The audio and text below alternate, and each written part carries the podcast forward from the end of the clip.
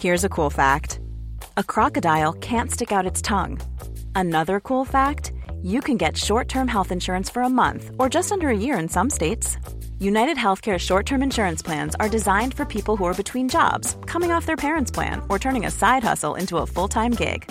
Underwritten by Golden Rule Insurance Company, they offer flexible, budget friendly coverage with access to a nationwide network of doctors and hospitals. Get more cool facts about United Healthcare short term plans at uh1.com. I'm Sandra, and I'm just the professional your small business was looking for. But you didn't hire me because you didn't use LinkedIn jobs. LinkedIn has professionals you can't find anywhere else, including those who aren't actively looking for a new job but might be open to the perfect role, like me. In a given month, over 70% of LinkedIn users don't visit other leading job sites. So if you're not looking on LinkedIn, you'll miss out on great candidates like Sandra. Start hiring professionals like a professional. Post your free job on linkedin.com/people today. Det här avsnittet är sponsrat av Prime Crime, appen med tusentals svenska rättegångar. Dessutom läggs minst tio nya rättegångar till varje vecka året runt. En rättegång som berörde mig det är taximordet i Enköping. En eh, 26-årig taxichaufför som luras ut till ett naturreservat och eh, blev hängd i ett träd. Och det är fem ungdomar som döms. En 16-årig flicka och fyra unga bröder. En rättegång jag tyckte var väldigt fascinerande var föräldrar tvingade sin dotter att dricka ättika. Så otroligt galet. Prime Crime erbjuder även en tre dagars gratis provperiod. Och skulle du välja att bli prenumerant så erbjuder de antingen månadsbetalning för 99 kronor i månaden eller ett reducerat pris på två månader vid årsbetalning. Du kan avsluta när du vill. Tack Prime Crime. Tack så mycket Prime Crime. Yes.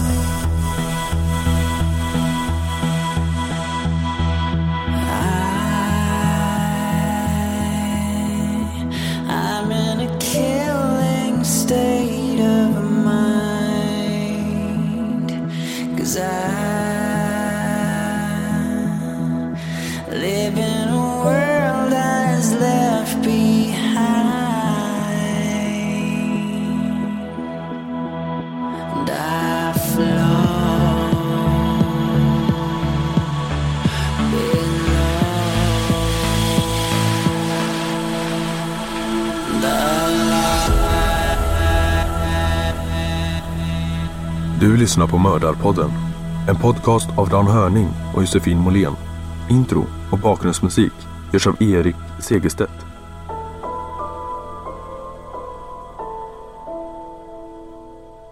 Välkomna till Mördarpodden.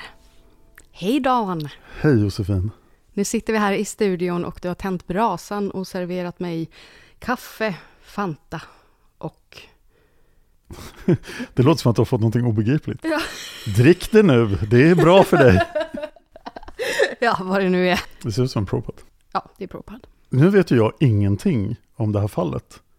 Och det är en fascinerande känsla efter hela Chrysolisan-grejen. Jag har ju fortfarande Chrysolisan i huvudet. Och eh, för er som sponsrar Mördarpodden på Patreon så finns det en tråd där, där vi pratar Chrysolisan. Och där jag verkligen försöker svara på alla frågor som kan dyka upp och försöker kolla upp det med Scarlett och Oh. så här. Så vi har redan gått in på jättemycket konstiga detaljer som jag inte hade tänkt på förut. Eller oh, säger jag. Det, det skulle jag låtsas att jag vet om. ja, ja. Mm. Just det. Och eh, ja, jag planerar snart att göra ett avsnitt om de här människorna som gick vilse i vildmarken och vad de gjorde. Och hur det skiljer sig från Kisulisand. Så det blir nästa del. Eller nästa typ del.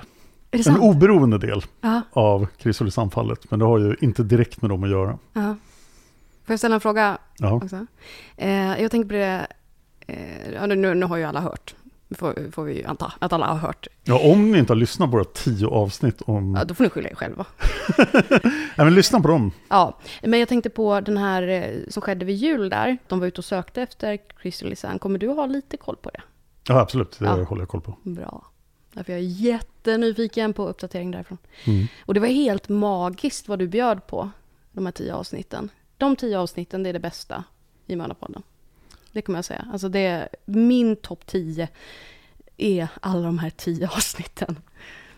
Jag har inte riktigt tanken på att göra en Chrysolisand-podd, men Mm. Nu har det startats lite nya poddar här på senaste tiden, så att nu måste jag lugna ner mig. Jag har Ja, ju startat en eh, svensk historiepodd. just det. Nu blir det historia som jag gör med Cornelia Boberg. Där måste jag ju tipsa om att följa er på Instagram, för att det, den är jätterolig, er Instagram. Hittills kommunicerar podden på Instagram bara med memes. Och alla memes handlar om avsnitt vi har gjort eller avsnitt vi är på väg att göra. Ja, Så man kan hålla sig lite ajour med vad det kommer för avsnitt i framtiden. ja. Och Nu blir historia är lite vad Mördarpodden är i förhållande till Seriemördarpodden. Så Fan of History är min seriösa historiepodd på engelska.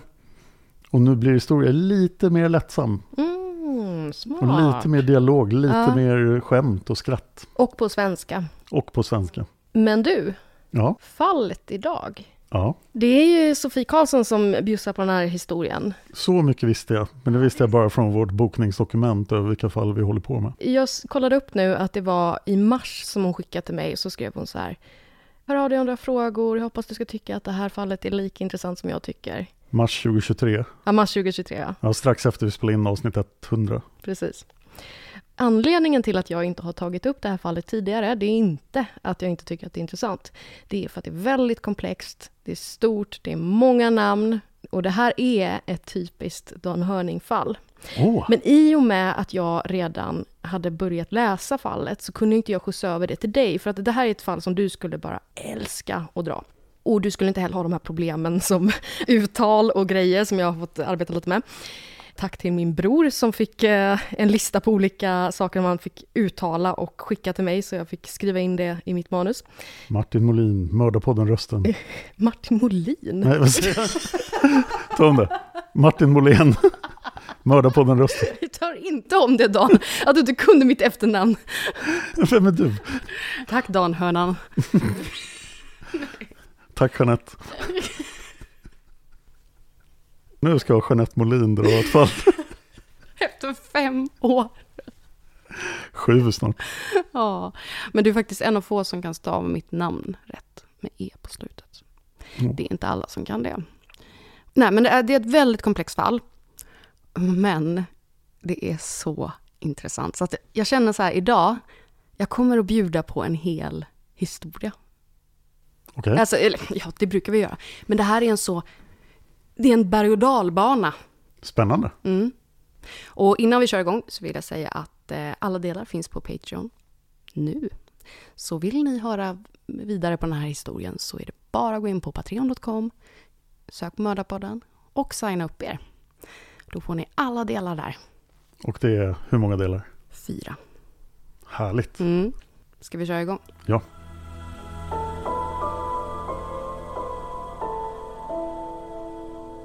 Vår historia utspelar sig i den amerikanska delstaten Arkansas. Arkansas. Nej! Jag tänkte inte på det när jag såg uttalsanvisningen, men det är, det är. Arkansas. Ja, det är jättebra. Okej, och och vet du vad? Du får i uppdrag idag. Jag har gjort mitt bästa för alla de här uttalen. Ni som har lyssnat på podden, ni känner mig, ni vet att jag har svårt för uttal. Och nu får du uppdrag att notera och rätta. För att vi kommer tycka att det är väldigt jobbigt om jag säger fel hela tiden. Det gör ingenting om jag säger lite fel, men inte hela tiden. Så jättebra Dan. Bra. Jag är inte ofelbar heller vad gäller uttal som har påpekats för mig. Ja, nej, men, men det, det, det är en annan nivå. Det är i alla fall inget franskt fall. Så att, Eh, Innehåller lite franska faktiskt. usch då. Eh, Men, är vi i eh, Kanada? Nej, vi har Arkansas. Ja, Arkansas. Och Arkansas Arkansas. Ja, men herregud. Arkansas, vad fan heter det? Arkansas. Åh gud. Tack Martin. Martin sa i alla fall rätt kan jag säga. Mm. Ehm, mitt manus har skrivit R, Ken, Sas, som Sara utan RA. Mm. Arkansas gränsar till, vilka ställen då Dan? Det var en svår fråga. Ja, det ligger ju i södern. Kan det gränsa till Texas? Bra, Louisiana? bra, Sen är det en massa stater i norr.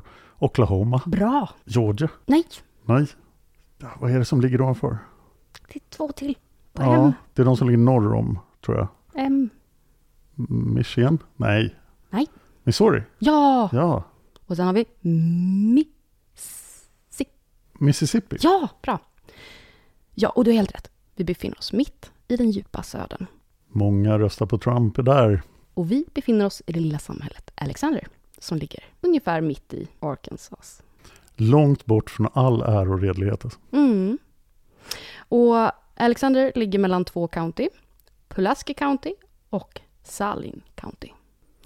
Vid den senaste befolkningsräkningen, år 2020, så hade Alexander en befolkningsmängd på cirka 3600 invånare.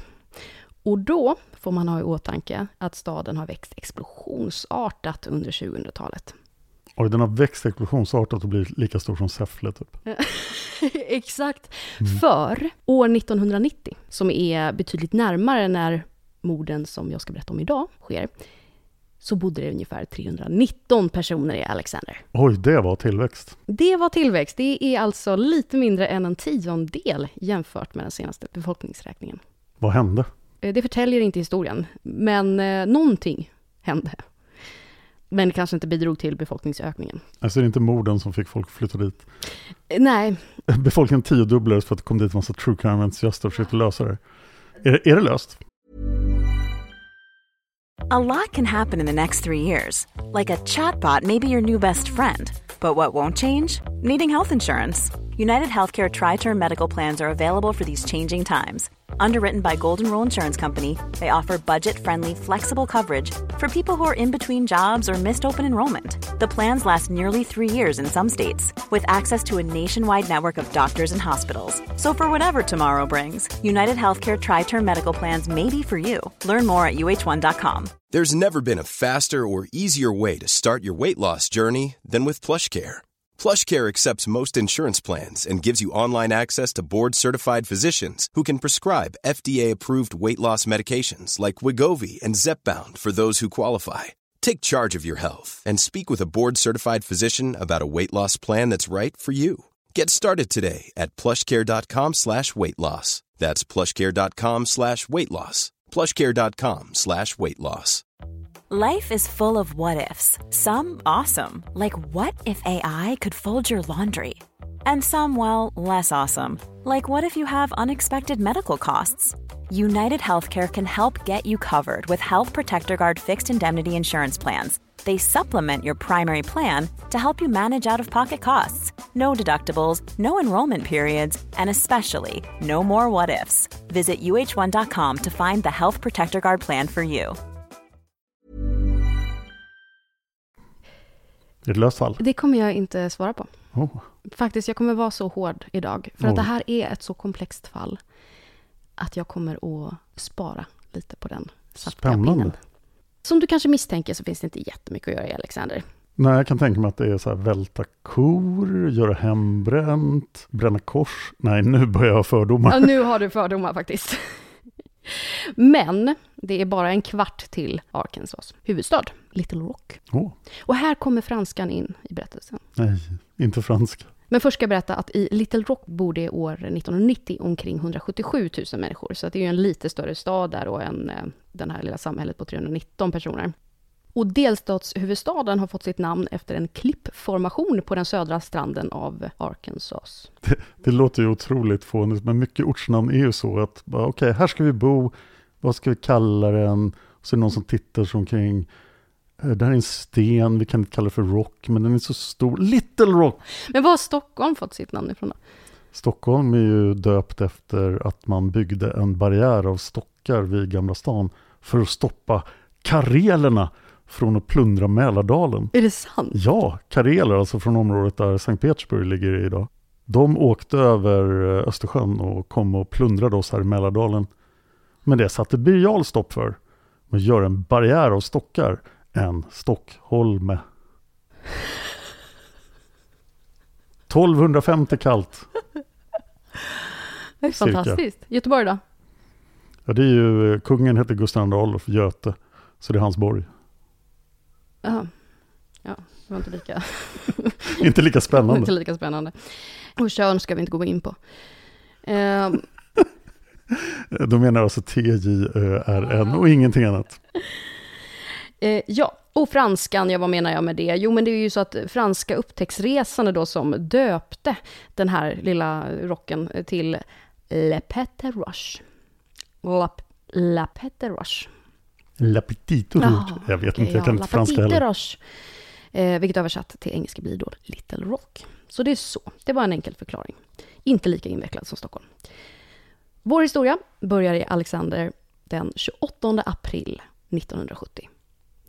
Det finns ingen statistik att hitta på hur många som bor i Alexander då, men två personer som vi vet bor där är paret Larry och Linda Ives samt deras treåriga dotter Alicia. Den här dagen, tisdagen den 28 april 1970, föder Linda en son som hon och Larry döper till Kevin. Så här vi, Kevin ska vi komma ihåg.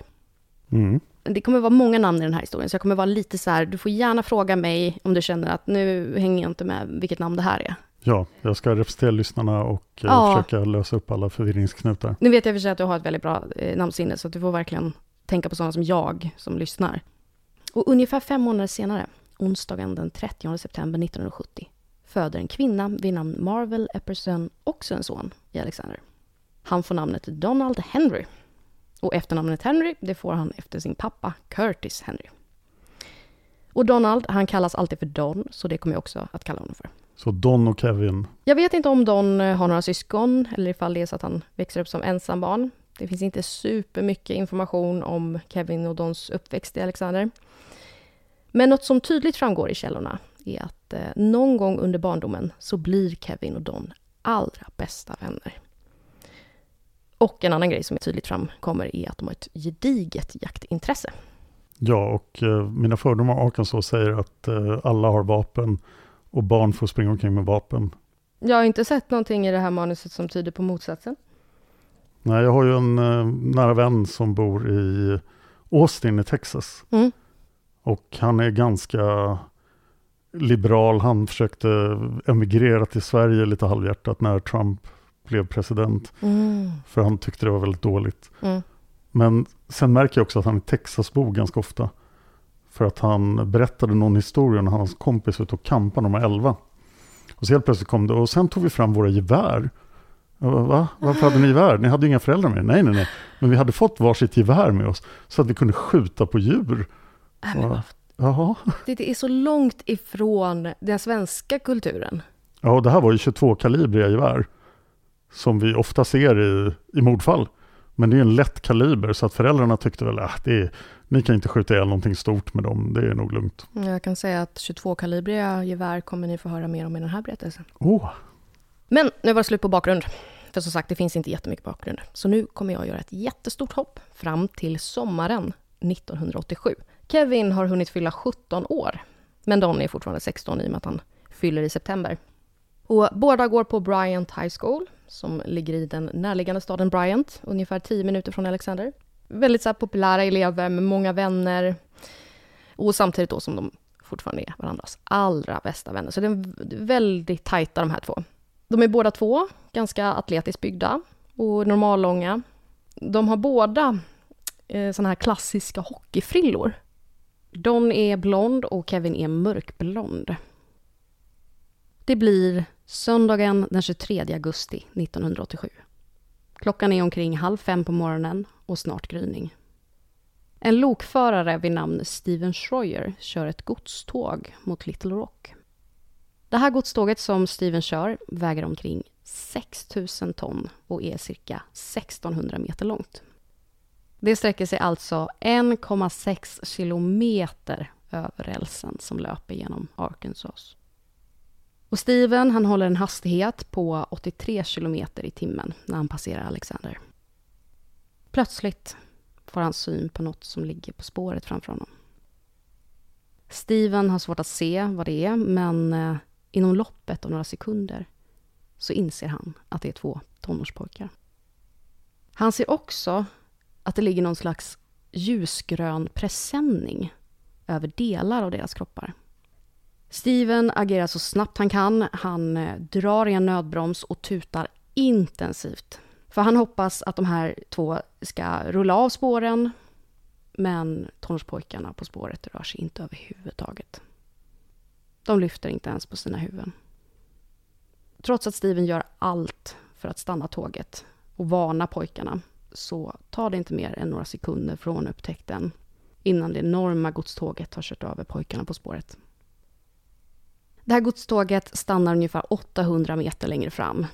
Och med hänsyn till att tåget är 1600 meter långt så borde ju tonårsburkarna ligga under det, ungefär i mitten av tåget. Mm. Så snart det står helt stilla då så larmar Steven 911 och inom 10 minuter är polis från Saline County och ambulanspersonal på plats. Och han är helt ensam på tåget. Nej, han är inte ensam på tåget, utan det finns personal på tåget.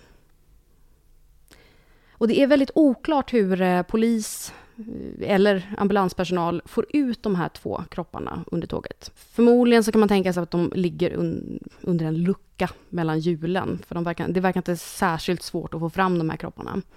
Nej, generellt tror jag det finns ganska mycket utrymme under ett tåg. Så det är nog inte så jättesvårt när tåget väl står still. Och de två kropparna är ju ett fruktansvärt skick. Ambulanspersonalen gör snabbt bedömningen att det är helt omöjligt att rädda de här två tonårspojkarna. De är uppenbart döda. Jag kan tänka mig att de är i flera delar också. Tack Dan, jag sparade på den informationen. Polisen förhör lokföraren Steven och annan personal då som har arbetat på godståget. Och de förhör eh, dem på plats där och då. Och alla som har sett pojkarna innan tåget träffade dem vittnar om att de låg helt orörliga. Och det här är någonting som får polisen att misstänka att det här kanske inte rör sig om en olycka utan det här kan nog vara ett brott som ligger bakom. Polisen undersöker platsen och förmodligen så har de då lyckats eh, flytta tåget. För det verkar som att de gör ändå en undersökning där på plats. Ja. Vid platsen där pojkarna låg ligger ett 22-kalibrigt gevär och en speciell typ av ficklampa.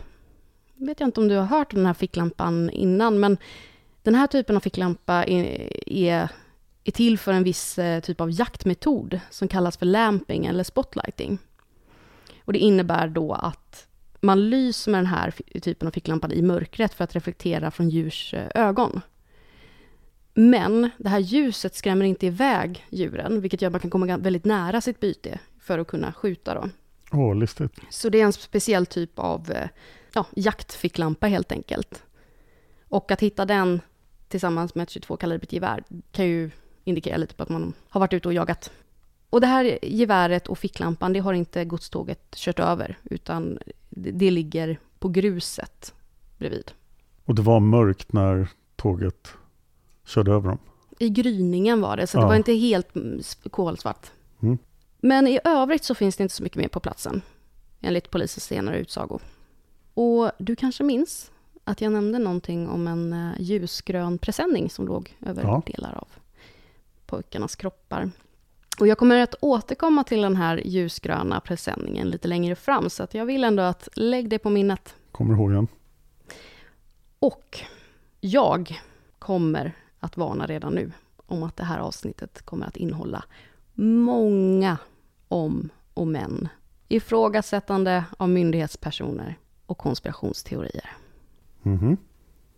Det här är ett Dan Hörning-fall. Vad kul. Människor i Alexander och i Bryant har eh, förstått att någonting har hänt vid spåret. De har förmodligen hört den här, det här intensiva tutandet och eh, sett att det har varit mycket blåljus där. Så att de har kommit till platsen. Och den här potentiella brottsplatsen, den är inte heller avspärrad. Så det kryllar av människor där.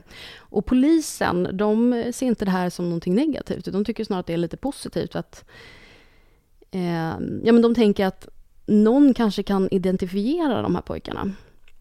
Och det är lite oklart ifall allmänheten som dyker upp får se kropparna i ett försök att identifiera dem, eller ifall polisen bara frågar den här massan om har ni koll på vad era tonårssöner är?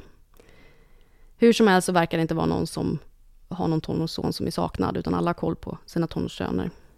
Vad tur att de inte har mobilkameror. Ja, eller hur? Nyfiken folkmassa med mobilkameror. Ja. Kunde ha gått illa. Ganska tidigt under söndagsmorgonen den 23 augusti ringer det hemma hos familjen Ives. Det är mamma Linda som svarar. På andra sidan tråden så frågar Curtis Henry om Don är hemma hos Kevin. Och mamma Linda blir förvånad. För vad hon vet så skulle Kevin och Don sova hemma hos Curtis och Marvel natten till söndagen. Och Curtis be- bekräftar det, att ja, de skulle det och de var här. Men de lämnade oss eh, vid halv ett på natten mot söndagen och Ja, vi har inte sett till dem sedan dess. Och enligt Curtis så skulle Kevin och Don ut och jaga. Vilket inte heller var helt ovanligt en lördagskväll. Det här brukade de göra då. Tyckte att det var lite kul att smita iväg på natten och jaga. Och som du berättade innan så verkar det inte vara så himla konstigt. Det låter som någonting Brennan, hans kompis, skulle ha gjort också. Och eh, Sofie säger att hon inte är särskilt kunnig i jaktregler i Arkansas under 80-talet. Så om detta var laglig jakt eller inte, det låter hon vara osagt. Mina fördomar säger mig att det nog fanns ganska mycket saker man fick skjuta utan licens i sydstaterna på den tiden. Mm. Jag måste, jag måste inflika att eh, jag och Brennan, jag har gjort nästan 200 poddavsnitt med honom, mest om underliga spel. Men vi diskuterade att göra en podd om övernaturliga saker. Oh. Och jag är väldigt entusiastisk om Bigfoot. Ja. Och han var så nej, nej, jag tror inte på Bigfoot. Jag bara, nej men så här, försök tro. Han bara, nej men hade Bigfoot funnits, då hade sådana som jag och min kompis skjutit honom för länge sedan. Har du jagat mycket? Nej, Nej, du har inte det? nej, aldrig. Men Alla vapen jag skjutit har varit med dig och på skjutbanor. är det sant? Och i militären förstås. Undrar om Johan fortfarande lyssnar på oss? För i så fall vill jag... skjuta. Johan, vi vill skjuta igen. Vi vill skjuta igen. På Mördarpoddens YouTube finns det en video när vi är ute och skjuter. Och speciellt eh, 357 Magnum. Just det, precis. Där jag står med en kort glitterkjol, ska precis ut och fira studenten och eh, skjuter med en skjutställning som är fruktansvärd, står helt snett. Ja, och så sätter du Palmeskotten perfekt. Jajamän. Mm. Så alla som tror att det bara var ett, alla som tror att det var ett proffs som mördade Palme ska titta på den videon. Egentligen så var det en Ja, du hade väl också högklackat? student med glitterkjol Och högklackat. och höglackat, ja. Där löste vi Palmemordet. Hur som helst, Linda blir ju väldigt orolig när hon hör det här. Och hon frågar om Curtis har ringt polisen. Och han säger att nej men, nej, men det har jag inte gjort. Jag ville bara ringa runt och kolla först med Kevin och Dons vänner om de är där. Och han eh, låter inte jätteorolig. Tänker väl att de är någonstans. Och det här smittar väl av sig lite på Linda. Att hon känner att ja, men okej, jag kanske inte ska vara så himla orolig då. Samtidigt som hon känner att hon har svårt att skaka av sig den där känslan av att någonting, det är någonting som gnager i henne. Lite senare, jag vet inte om det rör sig om eh, mindre än en timma eller några timmar, så ringer Curtis upp Linda igen. Och Curtis säger att deras söner är hittade. Och Linda blir lättad. Inte så länge misstänker jag. Nej, för Curtis lägger då till att eh, Kevin och Don har blivit skjutna, fastbundna vid spåret och sedan överkörda av ett tåg. Oj. Varifrån Curtis har fått informationen om att Kevin och Don har blivit skjutna och fastbundna är oklart och förmodligen så är det via ryktesspridning. Linda åker hem till Curtis och hans fru, Dons mamma Marvel. Och där hemma så är det massor av poliser och Linda, Don och Marvel beskriver sina söner för poliserna och får veta att baserat på deras beskrivningar så kan pojkarna på spåret vara Kevin och Don. Men det är först dagen därpå, måndagen 24 augusti, som pojkarna på spåret blir identifierade som Kevin Ives och Don Henry. Det verkar inte vara som att föräldrarna identifierar pojkarna, utan identifieringen verkar ha skett på något annat sätt och förmodligen då via tandkort. En rättsläkare vid namn Fami Malak. Varsågod och nysta in detta namn i ditt huvud, Dan. Fami Malak Fami Malak. mm, genomför obduktioner på Kevin och Dons kroppar. Och doktor Fami Malak är immigrant från Egypten. Han har sedan 1979 varit rättsmedicinsk chef i delstaten. Och 1987 är doktor Malak 54 år gammal. Enligt doktor Malaks undersökning levde Kevin och Don när de blev överkörda av godståget under morgonen den 23 augusti 1987. Dr. Malak gör flera tester och skriver i en toxikologirapport att både Kevin och Don har höga halter THC i urinet. THC står för tetrahydrocannabinol. Eh, THC står för tetrahydrocannabinol och finns i cannabis som är samlingsnamnet för hasch och marijuana. Som har rökt på, varit ute och jagat. Ja, enligt Dr. Malak har Kevin och Don inte bara rökt på lite grann, utan de har rökt 20 joints innehållande cannabis i nära anslutning till deras död. Och ifall Dr. Malak menar att Kevin och Don har rökt 20 joints var, eller sammanlagt, det, där skiljer sig källorna åt. Enligt hemsidan internetmedicin.se så brukar en joint innehålla ungefär 200 till 400 mg cannabis. 20 joints innehåller alltså mellan 4 000 till 8 000 mg cannabis. Så det är väldigt mycket cannabis oavsett om det är en eller två som har rökt det. I Dr. Mallaks rapport skrivs ingenting om skottskador som tidigare ryktats vara dödsorsaken. Och då blir det plötsligt möjligt att de helt enkelt var utslagna och att de var så höga.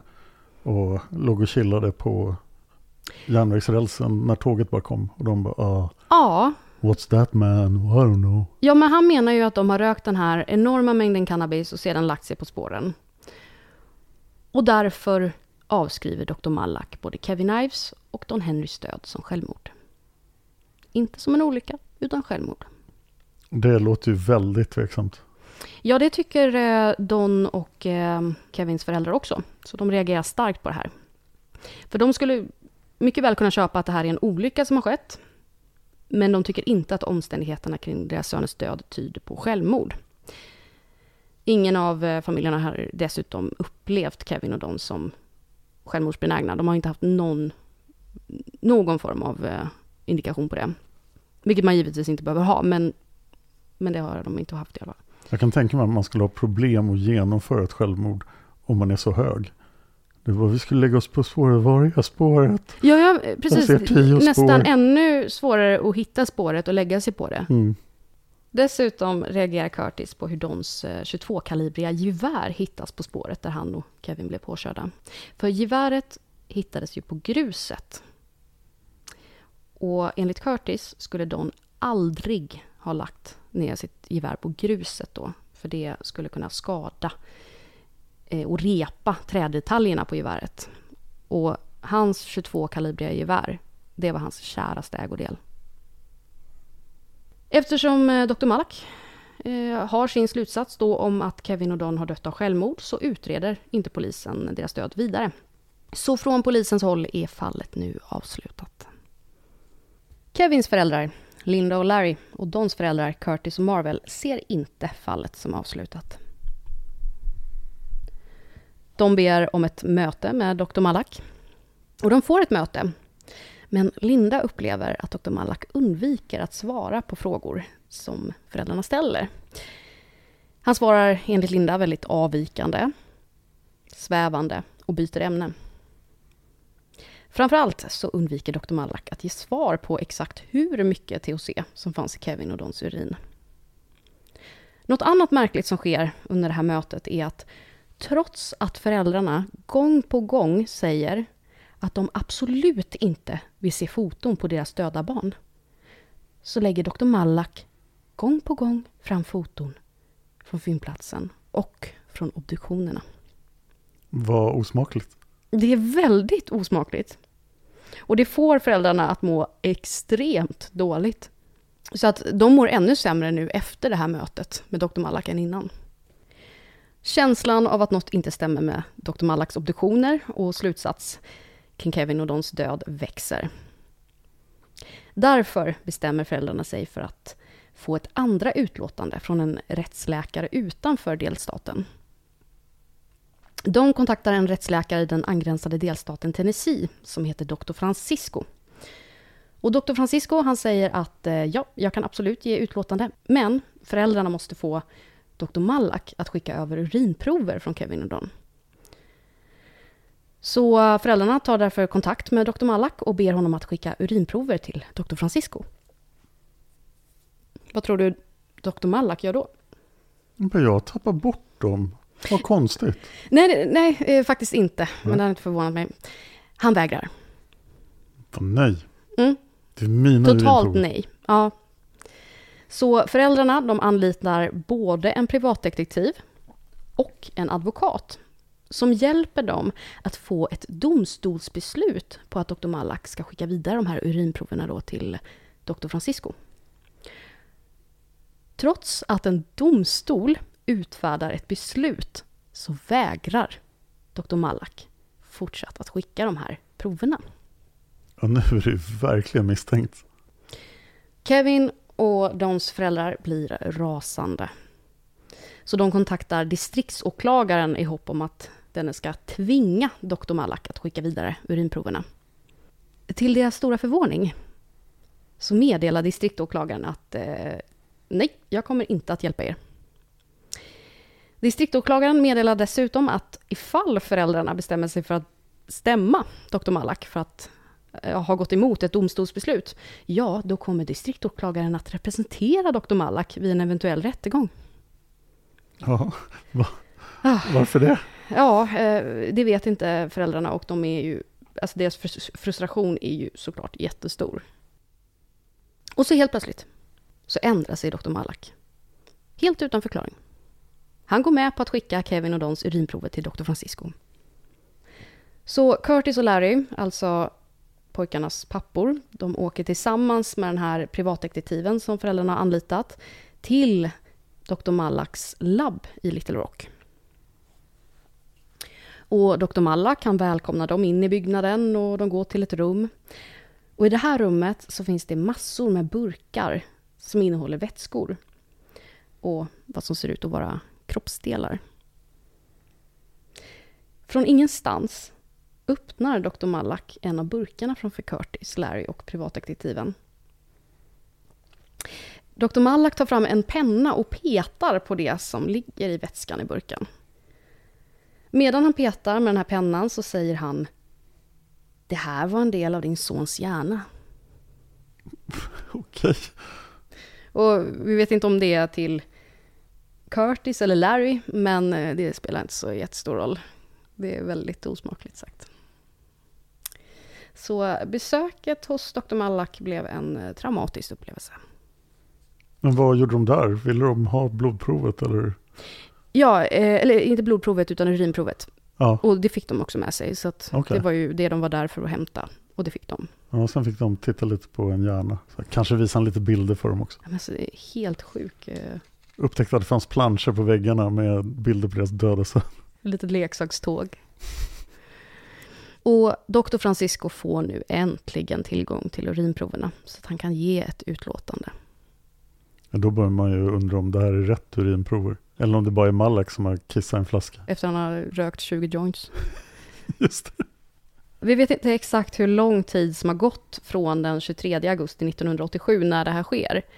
Det måste ha gått ett tag. Ja, och man kan få vissa indikationer av eh, artiklar som den lokala tidningen Blytheville Courier News publicerat om det här fallet. Och konflikten med Dr. Malak verkar utifrån dessa artiklar då ha pågått under hösten 1987.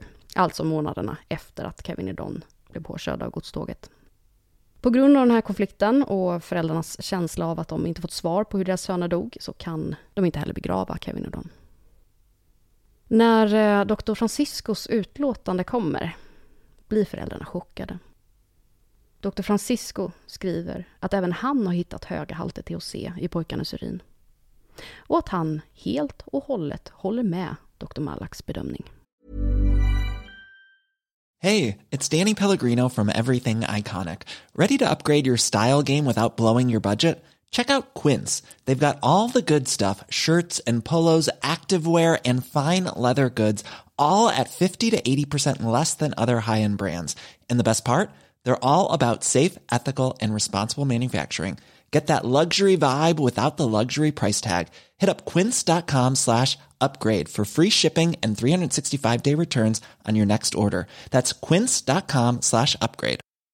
Hi, I'm Daniel, founder of Pretty Litter. Did you know cats tend to hide symptoms of sickness and pain? I learned this the hard way after losing my cat, Gingy. So I created Pretty Litter, a health monitoring litter that helps detect early signs of illness by changing colors, saving you money and potentially your cat's life. Pretty Litter is veterinarian developed, and it's the easiest way to keep tabs on your fur baby's health right at home. Go to prettylitter.com and use code ACAST for 20% off your first order and a free cat toy. Terms and conditions apply. See site for details. Och det här skulle kunna vara slutet på den här historien. Men tack vare Linda Ives magkänsla och hennes val att agera på den, så är det här bara början. Då är det slut nu. Det är slut på del ett. Oh. Åh, jag blir så frustrerad. För det här är, det här är, alltså, det här första avsnittet, det innehåller det är ingenting från vad som kommer komma. Det är ingenting.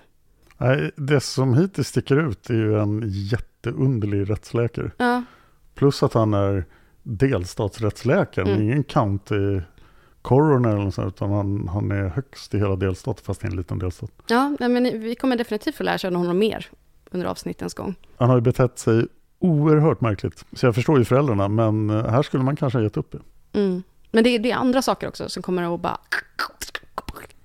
Okej, ja men då, då tycker jag vi kör vidare. Vi kör vidare och om ni går in på patreon.com, söker på Mordapodden och stöttar oss med en summa per avsnitt så kommer ni också kunna få köra vidare Ett direkt. enormt tack till alla som har gjort det. Ja, jättestort tack. Och vi, vi jobbar på att få till en till Mördarpodden öl så vi kan träffa er allihop i Stockholm. Ja, det jobbar vi på. Vi vill ju också ha så här Karlskrona, Göteborg. Vill vi? Ja, jag och Tobbe har, Ja. jag vill. Ja, det, det är inget som kanske är görbart i och för sig, men eh, ja, i framtiden kanske. Ja. Mm. Kanske en livepodd i framtiden också. Då, alltså, undrar vad Tobbe skulle säga om vi bara så här stormar in till honom och bara hej, hej, vi ska bo här nu. Vi ska ha eh, en helg här med Mördarpodden öl. Nu får du städa Tobbe för det kommer 300 patrons hit. Vi har Mördarpodden ölen hemma hos Tobbe. Mm. Det är ju asbra. Då behöver vi inte ha någon sån här boka någon restaurang. Det är perfekt. Mm. Nu får vi se om han lyssnar på slutet av Mördarpodden avsnitten. Ja, det får vi se. Det blir ett test. Party hemma hos Tobbe. Men han har ju startat en ny podd nu. Ja, Den, den måste vi lyfta, det är en himla bra idé alltså. Tobias har nu fyra poddar. Mm. Och den senaste är Krimmagasinet. Ja! Jag har lyssnat på första avsnittet som Jag precis kom ut. Ja, med Ja. flickan och etikan. Fruktansvärt fall. Usch. Ja, men och det var så sjukt, för jag tänkte på det fallet. Jag, var, jag vill ha en fördjupning i det här fallet, för jag tycker att det här sticker ut otroligt mycket och det här kommer vara ett fall som man kommer få höra om senare också väldigt mycket. Mm. Och så släppte Tobbe ett avsnitt om det. Så Jättebra. lyssna på Krimmagasinet. Ja. Flickan och ättikan. Och det är ju också ett väldigt långt avsnitt där han går in på detaljer. Riktigt långt. Mm. Krimmagasinet är ju så att det tar upp nyheter i en, eh, alltså lite mer true crime-nyheter. Så att det som har hänt under veckan eller under den senaste månaden, eller, alltså det blir lite mer nytt. Ja, det är väldigt mycket en nyhetspodd. Det är inte som vi som tar upp eh, från eh, 90-talet. Vi försöker anstränga oss väldigt mycket för att inte vara en nyhetspodd. Mm. Men Tobias har lutat sig in i nyhetspodden I den värld vi är så rädda för. eftersom han ju är en journalist. Ja. Medan vi bara är folk som gillar att sitta och prata om saker. Men om ni vill höra mer av Tobias så måste ni också lyssna på hans podd Tänk om. Där en fullständig galning pratar om storsjödjuret i Mm. tre avsnitt och snart fyra. Tänk om som har nypremiär. Nej, vänta, det kan jag inte säga Ja, det har kommit en massa avsnitt av Tänk om redan. Ja, det har det gjort. Bland Speciellt annat när vi med. Sofie Karlsson. Ja, just Mm. det, precis. Och Men vänta, jag, jag kommer också göra min nypremiär i Tänk om snart. Och då tänker jag prata om storsjödjuret. Alltså du, men vet du vad jag fick höra av Tobbe? Och det här fick jag höra för typ i veckan, så att det här måste vara ute redan nu när vi hör detta. Det är att han eh, kommer att släppa ett avsnitt om... Nu tappar jag namnet. Jättelång typ, jätteläskig, ta barn. Göran Persson. Han är jo, han är lång. ja, just vad det jag reagerar på också. Eh, nej men, um, Slenderman. Åh, Mm, de här fallet med Ja. två flickorna som faktiskt av deras konspirationsteori försöker ha ihjäl sin tredje kompis. mm. Och det fallet har jag velat ta upp i Mördarpodden. Men jag är lite skraj för Slenderman. Alltså det är sån här, det sitter kvar sen jag var barn. ja, du är väl precis Slenderman-generationen. Ja, Mm. och min syster, Sissi, om du lyssnar nu. Jag överhörde när hon och hennes kompis, Bo Herman faktiskt, Ja. eh, hade på något sånt där klipp på Slenderman när jag var liten. Och så kommer jag ihåg att det var den här låten, eh, och vad vad fan heter den nu då? Slenderman. Nej. Slenderman. Eh, ja, jag kommer inte ihåg vad den heter. Och jag blev jätterädd och så berättade de då att ah, men det, det är en jättelång person, det är bara barn som kan se det och så fort en barn får se på det så kommer den komma att ta det barnet. Så syns det på bilder i bakgrunden och man kan se en jättelång figur, massa armar, något sånt. Ja, det, det fallet borde vi ha gjort. Ja, jag vet, men jag har ju inte gjort det på grund av att jag fortfarande har så här ärr från barndomen. Tycker att det är lite obehagligt. Så att, men jag kommer lyssna på den podden eh, i dagsljus. Sen har ju Tobias också Minuter med mord. Ja, det har han också. Som man kan förlyssna på lite avsnitt på Mördarpoddens YouTube. Ja, just det. För det var ju där den släpptes först. Ja. Mm. Och dessutom gör Tobias Palmemordet med mig. Ja, Där vi nu är uppe i skrivande stund i 405 avsnitt om Palmemordet. men alltså jag känner ju så här, av oss tre, som är verkligen ett ja, men, team från start. Ja. Jag har ju poddar, jag har ju gjort två poddar, eh, tre egentligen. Eller fyra, eh, men, men av, som hålls igång. Alltså, jag är ändå på en podd som just nu är igång. Tobias har fyra, du har typ 14. Alltså det känns som Nej, att jag nej, ligger nej, ju... Vad du Jag var nere på nio ett tag. Aha. Men eh, idag släppte jag ett avsnitt i Hard Nerd Café. Så nu Mm. är den aktiv igen. När jag var på Sveriges näst mest hemsökta plats. Oh. Häringe slott. Och jagade spöken. Vänta, var det då du hade på den där cowboyhatten på Instagram? Nej, cowboyhatten var på en helt annan plats. Jaha, Eller tänker du på min alien-tröja Ja. och eh, Mm. rastahatten? Jaha det var rast. Nej, då är jag på Agikal.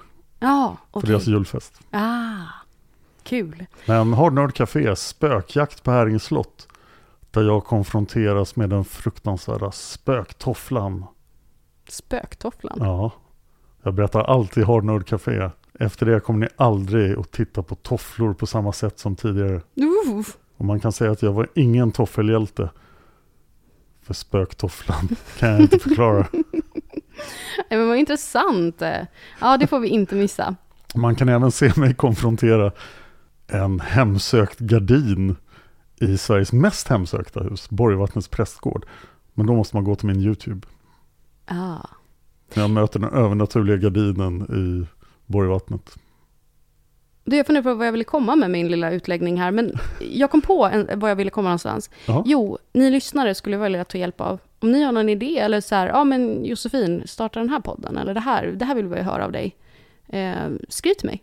Det är ju tråkigt att ha en podd där ingen lyssnar, så att om man skulle vilja lyssna på en podd där Josefin pratar själv, vad, vad skulle man vilja att hon pratar om? Ja. Eh, och gärna då inom kanske true crime eller lite spänning och sånt där, för det, det tror jag att vi alla delar intresse. Men det behöver inte vara det. Så skriv till mig. j.molén på Instagram. Ska vi säga tack och hej? ja, och vi är tillbaka nästa vecka. Ja. Eller vid nästa knapptryckning om du är på Patreon och kan höra hela serien Pojkarna på spåret nu. Kasakake. Feliciano. I'm